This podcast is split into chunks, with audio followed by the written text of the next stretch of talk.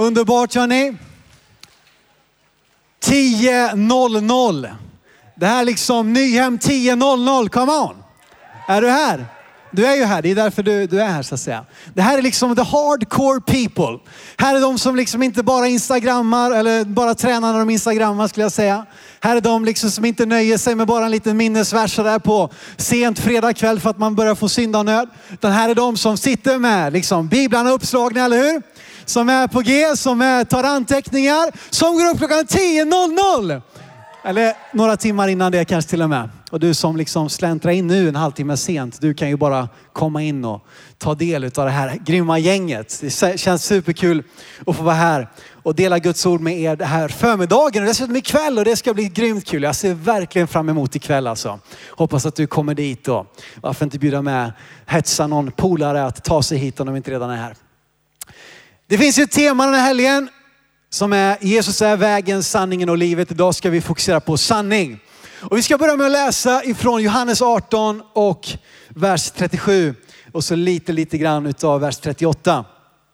Så ska vi se här eh, en ganska spännande ordväxling. Eh, Jesus, han är precis på väg och ska Eh, dömas till döden. Han är inför Pilatus som ju egentligen är den som har makten, som är den som liksom har kontrollen, som är den som kan antingen fria eller fälla honom.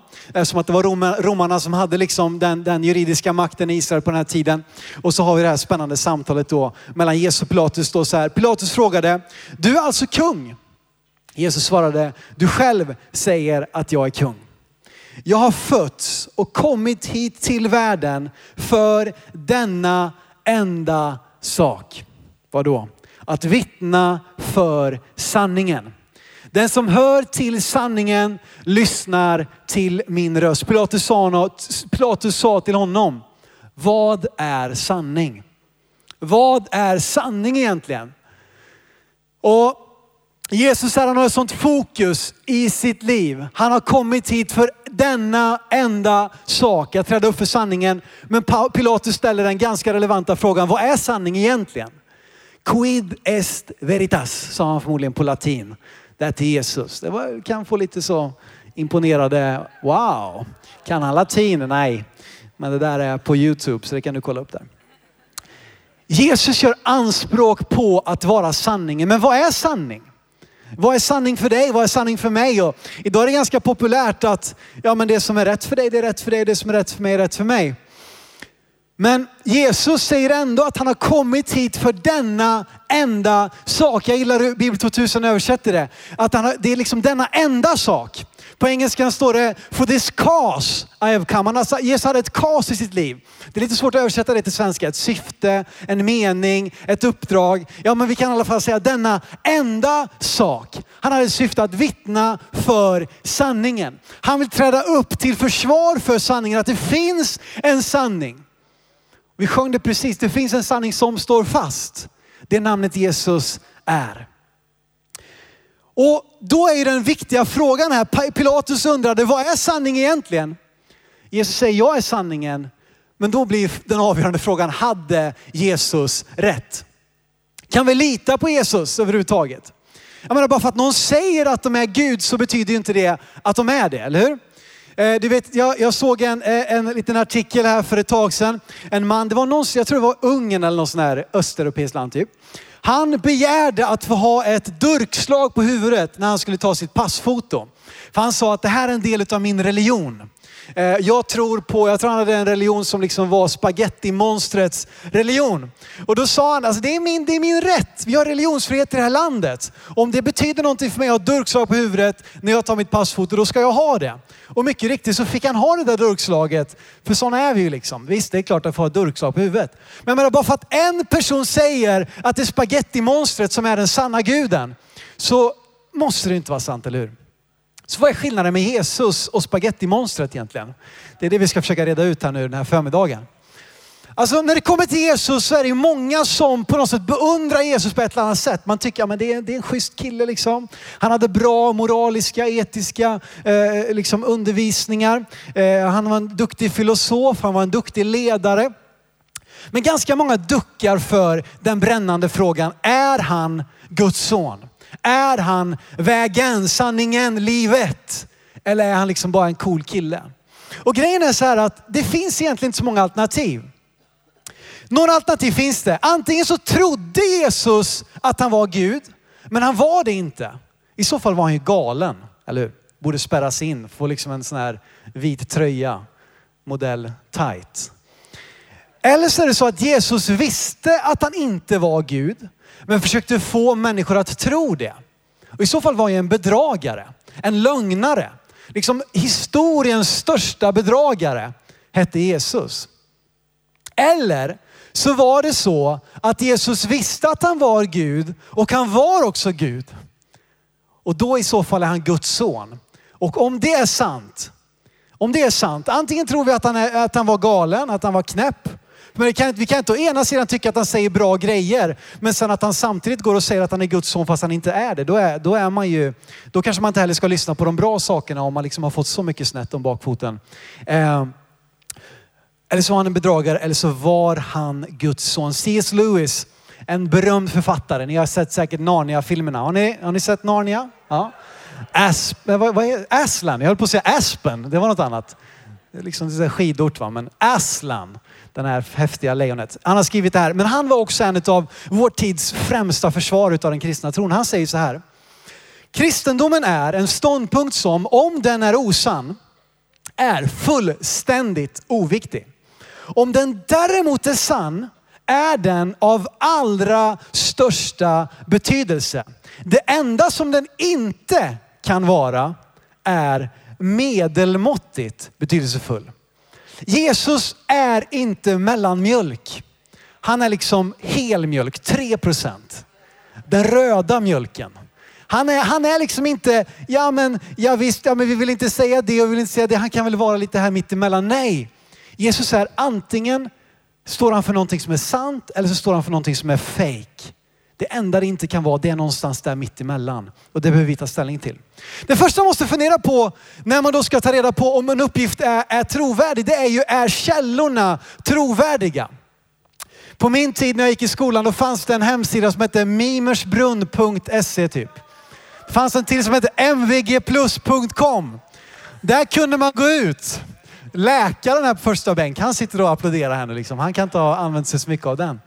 Mimers brunn MVG där kunde man gå ut och så hämta till ett skolarbete och så lämna in det. Det här var ju på tiden innan liksom smartphones och iPads och typ laptops. Eh, och man kunde ju försöka komma undan med det.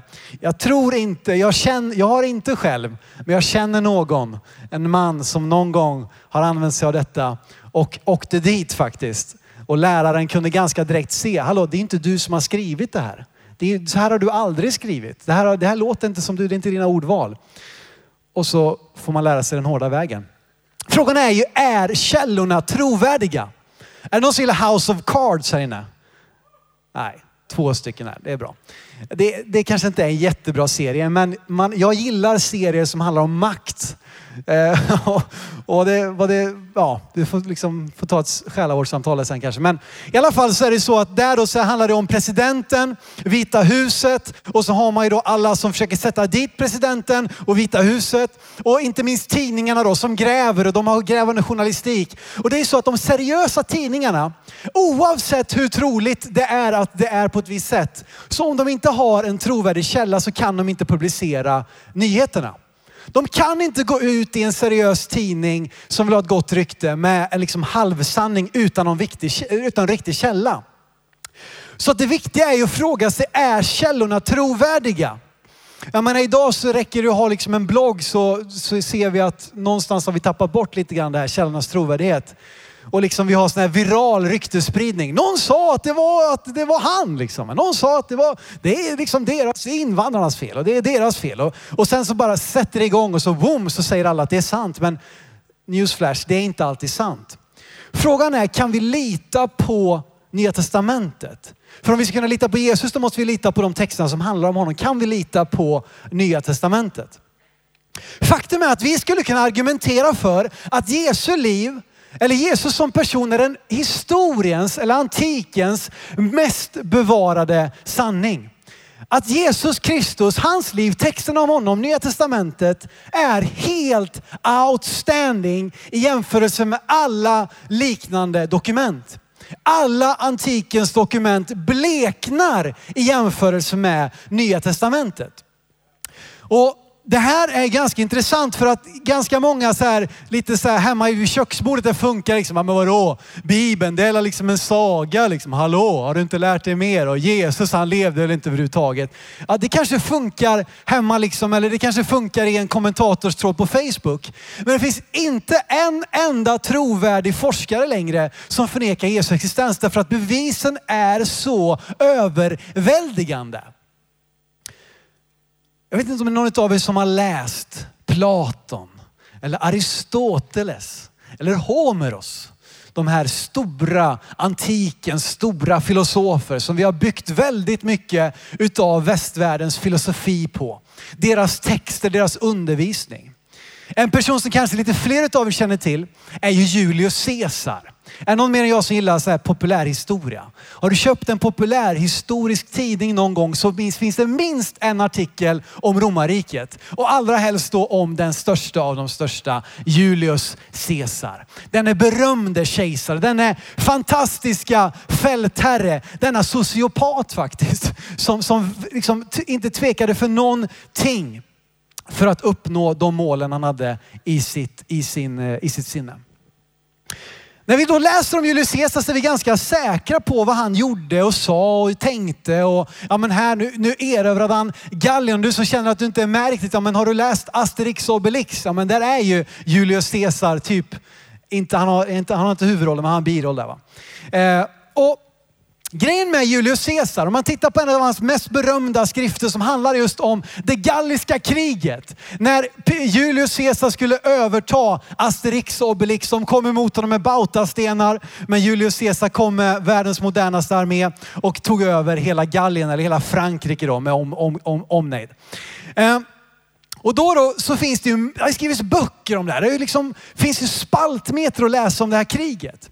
Om vi då bara tittar på hur pass väl belagt, hur pass trovärdiga källorna är för Julius Caesar. Så jag vet inte om du vet när Julius Caesar levde, men han levde ju strax före Jesus. Han dog, jag tror 44 före Kristus. Och om de galliska kriget, eller det galliska kriget finns det ungefär nio, det finns nio eller tio hyfsat trovärdiga originalhandskrifter om det galliska kriget som Julius Caesar uppförde. Nio eller tio om man är generös. De här dessutom säger emot varandra en del. Och den tidigaste av de här originalmanuskripten är daterad. Hänger ni med nu? Det tidigaste av de här tio stycken originalhandskrifterna är daterade till ungefär 900 år efter att Julius Caesar levde. 900 år. Det hinner hända en del, på, liksom, det har runnit en del vatten under bron om man säger så. Jag konstaterade igår när jag var runt och eh, eh gratulerade studenter att det var tio år sedan jag tog studenten wow liksom. Men 900 år, det hinner hända en del på den tiden. Och jag säger inte nu, mitt case är nu inte här att liksom slopa Julius Caesar. Gå ut på gatorna, Julius Caesar är en bluff, Julius Caesar är en myt. Han sa inte tärningen är kastad när han korsade floden Rubicon för att invadera sitt eget land. Det är inte det som är mitt case. Men om vi kan lita på att Julius Caesar sa och gjorde det han sa och gjorde då kan vi så enormt mycket mer lita på att Jesus sa och gjorde det han sa och gjorde. Tio stycken originalhandskrifter 900 år senare efter att det hände. Hur är det då med Jesus? Nya testamentet skrevs på grekiska. På grekiska enbart, om man inte blandar in latin som det översattes väldigt snabbt till eller arame, hebreiska, utan bara tittar på de grekiska manuskripten. Så finns det över 5300 eh, originalmanuskript. 5300. Och de tidigaste daterar till bara 20-30 år efter att de skrevs. Jämför det med tio stycken originalmanuskript som är 900 år senare. Här har vi 5300. Skulle vi lägga till latin så har vi kanske 8000 till. Eh, och det i sig, att överhuvudtaget en antik skrift översatts till andra språk är unikt. Men Nya Testamentets budskap är och var så otroligt viktigt, eh, liksom omvälvande eh, än någon annan berättelse och därför så finns det så mycket bevarat. Hela Nya Testamentet i sin helhet finns bevarat så tidigt som från 300-talet. Jag tror att den är någonstans nere i de djupa valven i Vatikanstaten där han är, vad heter han, eh, som eh, de här Da Vinci-koden snubben, där han liksom är nere och gräver eh, i de här filmerna. Där någonstans finns den tidigaste hela Nya Testamentet bevarat. Men alltså det går inte att jämföra med någonting annat. Och därför så finns det ingen annan antik person som är så väl bevisad som Jesus Kristus. Och det gör att det är goda nyheter och det kan vara värt en liten applåd. Va? Tror vi det? Är Jesus värd en applåd? Absolut är han det. Ja, jag blir lite exalterad när jag pratar om det här. De är trovärdiga källorna. Nya testamentets texter är helt outstanding. Och dessutom så är och stämmer de ju överens. Du kan ta de här fragmenten som man har hittat, det kanske bara innehåller en vers eller ett kapitel på sin höjd. Som kanske då är från bara 20-30 år efter att de skrevs. Och så jämför du det med, med de texterna som kanske är 200 år senare. Och så ser du att det skiljer bara liksom punkter och kommatecken. Det är en enorm likhet. Och Thomas, eh, liksom eh, en god vän till mig, Thomas Jonsson, han kan redogöra för exakta de här skillnaderna som finns. För det finns många som säger, ja, men visst det finns många original men alltså de är ju olika. Det är som viskleken liksom. Börja se, Gustav om du bara viskar någonting till Johan så viskar något till Malin och så fortsätter vi hela, hela hallen runt så kommer det ju vara något helt vrickat förmodligen som kommer upp utifrån läktaren där. Inget liksom no offense till er som sitter där. Men, men du vet, så där kan man resonera då kring Nya testamentet. Men grejen är att de här manuskripten som finns bevarade, de stämmer överens. De har varit, Gud har bevarat sitt ord. Och de som har fört ordet vidare, vi skulle kunna tala på samma sätt om gamla testamentets texter, men vi hinner inte göra det nu. Som också har en enorm trovärdighet. Och då blir frågan då, om Nya testamentet stämmer, kan vi då lita på dess huvudperson Jesus Kristus? Om vi kan lita på liksom, vad är det för person som träder fram? Vad är det för typ av människa som eh, Nya Testamentet undervisar om? Hur är Jesus Kristus? Låter det som en galning? Låter det som en bedragare? Eller låter det som att han faktiskt var den han sa sig vara? Och då kan vi titta lite grann på hans liv då. Den första som bekräftar Jesu liv. Det som bekräftar att han är den han säger sig vara. Det är ju hans lära. Hans lära, det han har undervisat. Jag vet inte om du har tänkt på det, men hela västvärldens samhällen är byggda på de värderingar som Jesus undervisade om för snart 2000 år sedan. Jag menar idag får man ju vara glad om, om man har en bok som ligger på topplistan liksom i tre månader. Då får man vara nöjd liksom. Kanon, vi toppade topplistan i tre månader. Här har vi en som har toppat, hans undervisning har toppat läslistorna över 2000 år. Är det någon som hade Lunarstorm här inne? Ja, första bänk. Då sitter de gamla här. Liksom. Det är några lite äldre här inne. Eh, nere liksom i bänkraderna. Lunarstorm. MySpace. Hade ni det?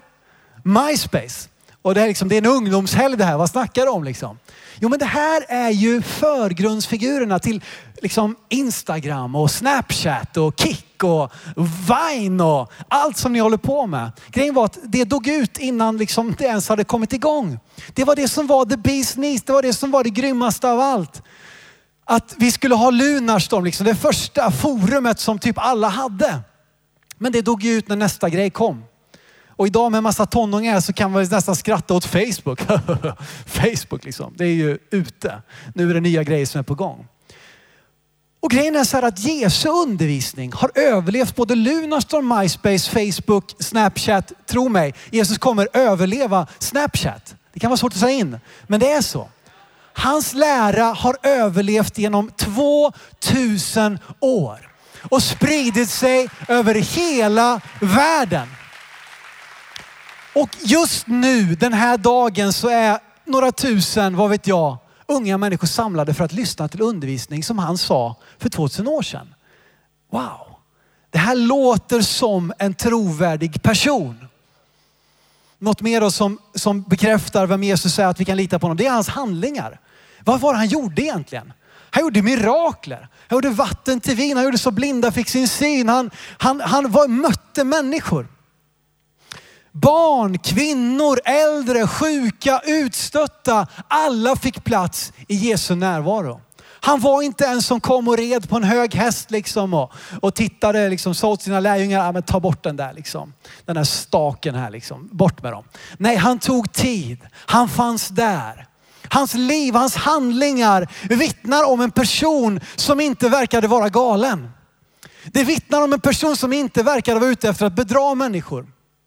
Utan som en som stannade till vid tiggaren som satt där liksom vid, vid porten.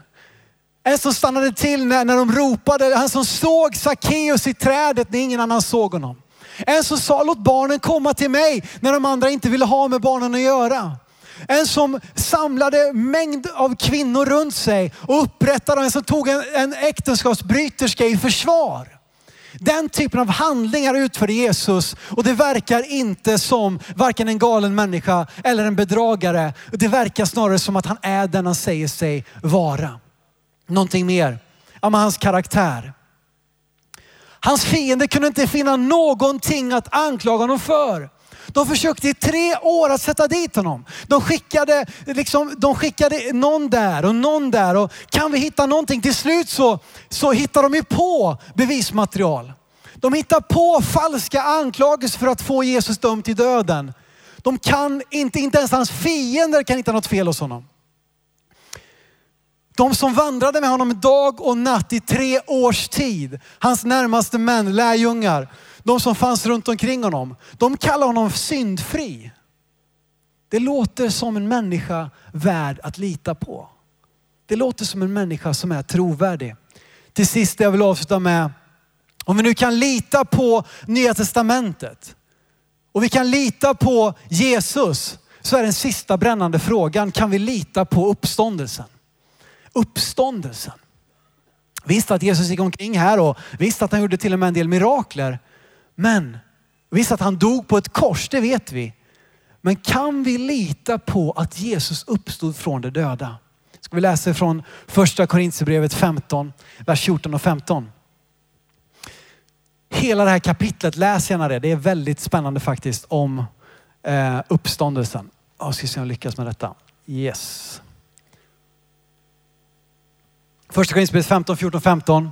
Paulus säger, om Kristus inte har uppstått, då är vår predikan meningslös och även er tro meningslös.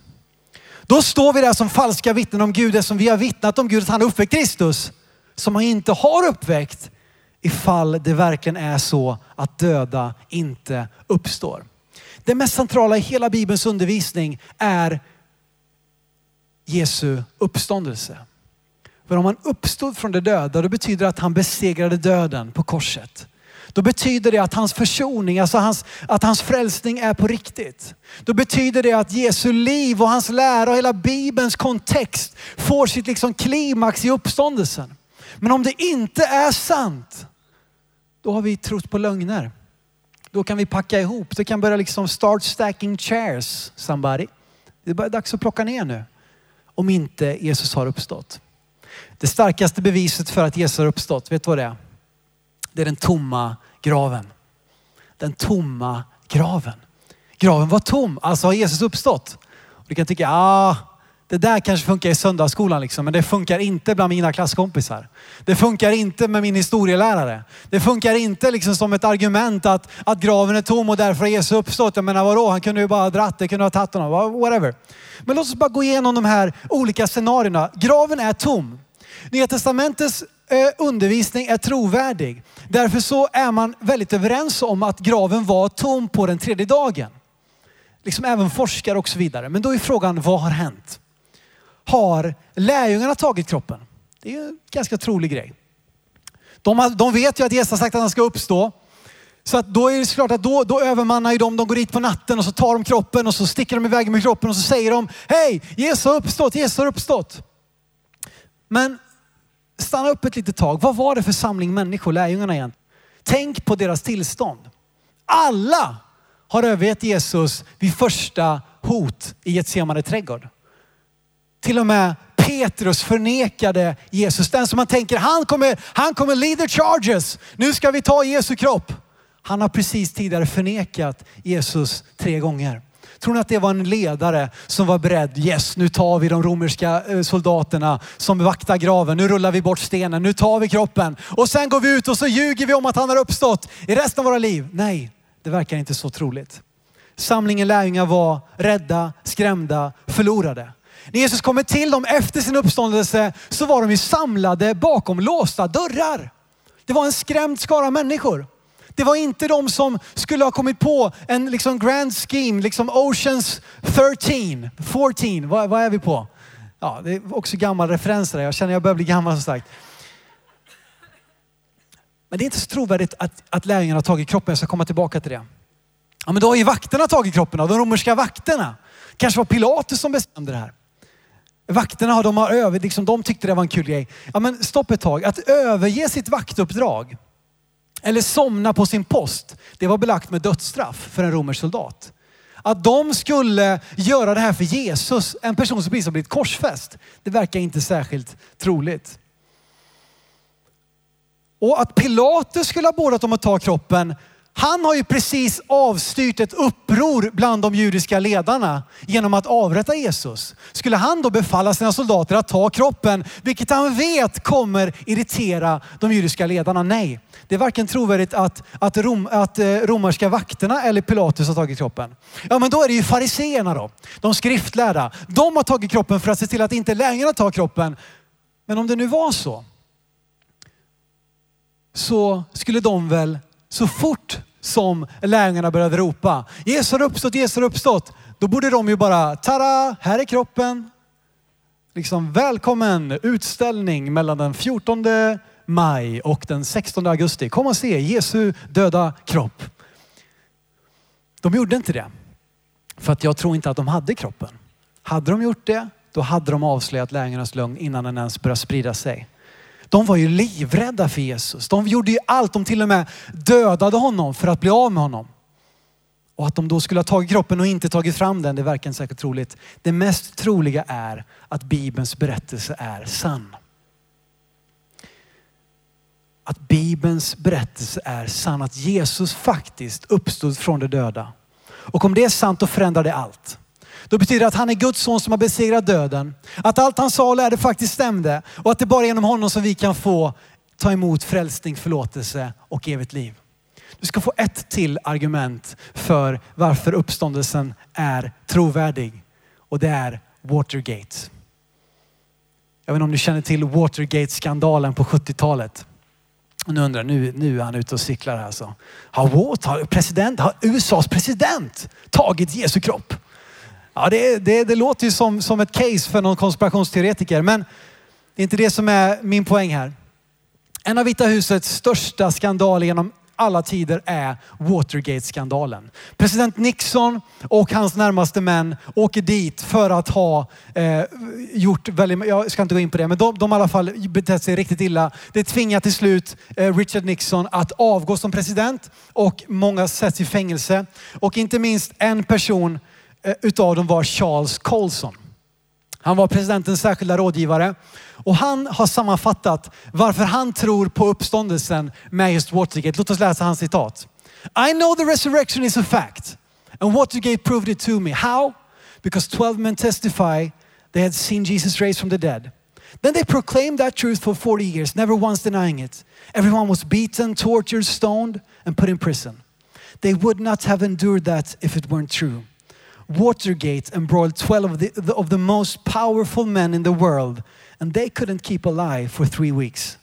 You're telling me 12 apostles could keep alive for 40 years? Absolutely impossible. Jag vet att uppståndelse är ett faktum och Watergate bevisade för mig hur. Därför att tolv män vittnade om att de hade sett Jesus uppstånden från de döda. Sedan proklamerade de denna sanning i 40 år utan att förneka det en enda gång. De blev alla slagna, torterade, stenade, satta i fängelse. De hade inte kunnat utstå det om det inte var sant. Watergate, drog med sig tolv av världens mäktigaste män. De kunde inte hålla en lögn i tre veckor. Du säger mig att tolv apostlar kunde hålla en lögn i 40 år. Helt omöjligt. Jesus är uppstånden. Amen. Amen. Om vi kan lita på Bibeln, om vi kan lita på Jesus som person, om vi kan lita på att han uppstår från de döda, då är det som Jesus säger, att han är vägen, sanningen och livet. Amen.